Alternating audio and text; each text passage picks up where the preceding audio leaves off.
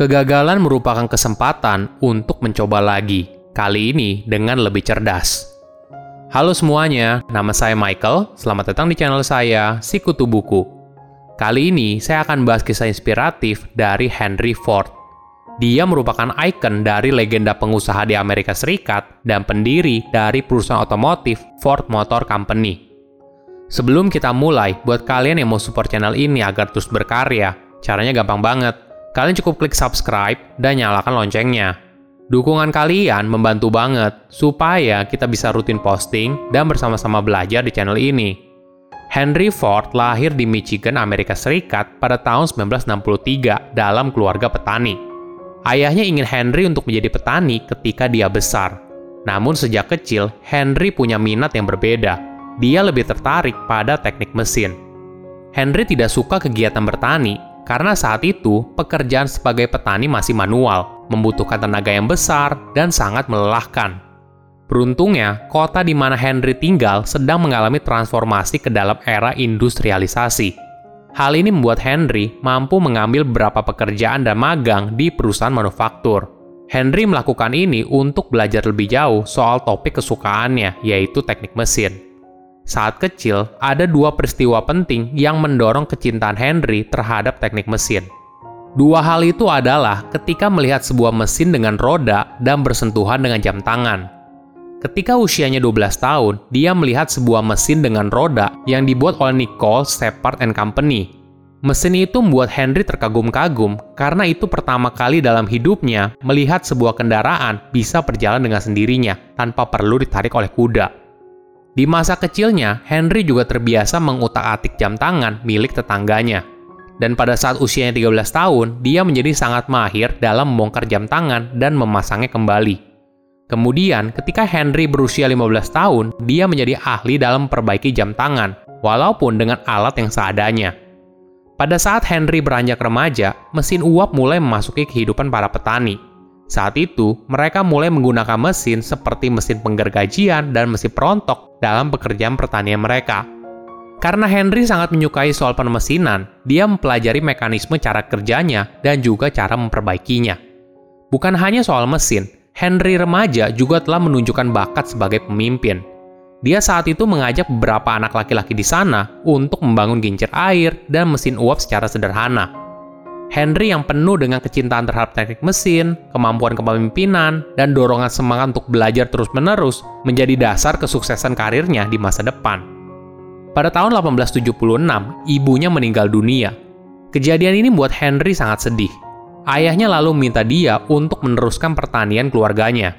Dia pun menolak dan tidak punya ketertarikan sama sekali pada dunia pertanian. Kemudian, saat tahun 1879, Henry meninggalkan sekolah dan rumah untuk pergi ke Detroit mencari pekerjaan. Di sana, dia melamar menjadi pegawai magang di Michigan Car Company, sebuah perusahaan manufaktur yang memproduksi mesin gerbong kereta api. Bertahun-tahun kemudian, Henry menjalani berbagai pekerjaan yang sama di perusahaan yang berbeda, ketika dia merasa kalau ada hal baru yang bisa dipelajari dari perusahaan lain. Pada tahun 1882, Henry kembali pulang ke kota halamannya di sana, dia mengoperasikan dan memperbaiki mesin uap milik para petani, dan terkadang bekerja untuk pabrik di Detroit. Berkat keterampilannya, Henry direkrut untuk menjadi insinyur shift malam di Edison Electric Illuminating Company pada tahun 1891. Tidak lama kemudian, dia juga mendapatkan promosi jabatan dan menjadi kepala insinyur. Sambil bekerja, Henry mengerjakan proyek sampingan, yaitu pembuatan mobil. Ini merupakan passion terpendam dari Henry, dia merupakan salah satu dari banyak orang yang bekerja di lumbung padi dan toko-toko kecil di seluruh negeri yang mencoba membuat kereta orang tanpa kuda. Dibantu oleh sekelompok teman, eksperimennya berhasil mencapai puncaknya pada tahun 1896. Hal ini ditandai dengan selesainya sebuah kendaraan bernama quadricycle. Itu merupakan kendaraan bermotor yang memiliki empat roda dengan kekuatan dan kecepatan yang lebih rendah daripada mobil kecil konvensional. Begitu Henry berhasil membuat quadricycle, dia lalu berusaha mencari dana untuk mengembangkannya. Akan tetapi, modal sangat sulit diperoleh karena saat itu belum ada standar model bisnis untuk industri otomotif. Henry lalu meyakinkan William H. Murphy, seorang pengusaha di Detroit, untuk mendukung produksi mobilnya. Akhirnya, mereka mendirikan The Detroit Automobile Company.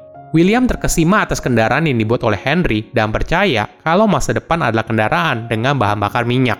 Namun pada tahun 1901, Murphy dan para pemegang saham menjadi resah.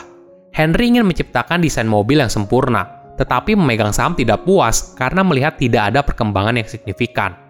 Produk yang dijual memiliki kualitas yang lebih buruk daripada para pesaing, dan harga yang lebih mahal dari perkiraan awal Henry. Tidak lama kemudian, mereka memutuskan untuk membubarkan perusahaan tersebut. Kegagalan ini membuat Henry berpikir ulang tentang bisnisnya. Dia lalu berusaha untuk meyakinkan Murphy untuk memberinya kesempatan kedua. Ini merupakan kejadian langka di awal abad ke-20. Meskipun begitu, perusahaan patungan mereka yaitu Henry Ford Company sudah tersandung di awal. Henry merasa Murphy terlalu menekannya untuk segera mempersiapkan mobil untuk diproduksi, dan menetapkan ekspektasi yang tidak realistis sejak awal. Tak lama setelah Murphy merekrut manajer dari luar untuk mengawasi kinerja Henry, dia pun keluar dari perusahaan tersebut. Dua kegagalan ini tidak membuat Henry menyerah atas mimpinya untuk mengembangkan industri otomotif. Dia lalu berhasil menjalin kerjasama dengan Alexander Y. Malcolmson, seorang pengusaha batu bara. Alexander punya kepribadian yang mirip dengan Henry. Dia juga punya keberanian dalam mengambil resiko. Selain itu, dia memberikan Henry kebebasan penuh untuk menjalankan bisnisnya. Kali ini, Henry memutuskan untuk membuat kendaraan bagi masyarakat umum, tidak lagi membuat kendaraan yang mahal. Pada masa itu, kendaraan merupakan barang mewah dan dianggap sebagai sebuah simbol kekayaan dan diproduksi dalam jumlah yang sangat terbatas. Henry ingin mengubah semua kenyataan ini dan akhirnya pada tahun 1903, Ford Motor Company didirikan saat dia berusia 39 tahun. Kemudian pada tahun 1908, model T pertama yang merupakan mobil dari Henry pertama kali keluar dari jalur perakitan dan merevolusi transportasi selamanya. Jalur perakitan mobil menjadi identik dengan Henry dan kejeniusannya. Model T adalah mobil pertama yang terjangkau untuk pasar umum dan terjual sangat banyak. Butuh tujuh tahun bagi Henry untuk menjual model T hingga menyentuh satu juta mobil, namun hanya satu setengah tahun kemudian, penjualan mobilnya mencapai 2 juta dan pada tahun 1920 sudah terjual 4 juta model T.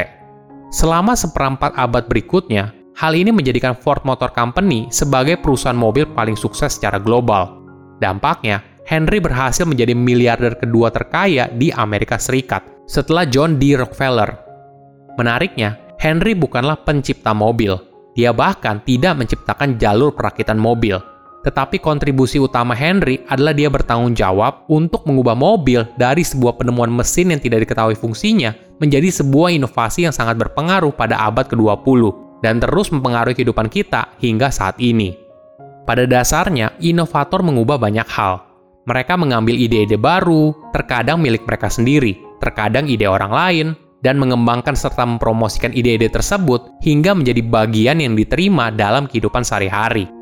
Inovasi membutuhkan kepercayaan diri, keberanian untuk mengambil resiko, kemampuan kepemimpinan, dan visi tentang masa depan yang seharusnya. Henry memiliki semua karakteristik ini, tetapi butuh waktu bertahun-tahun untuk mengembangkan semuanya sepenuhnya.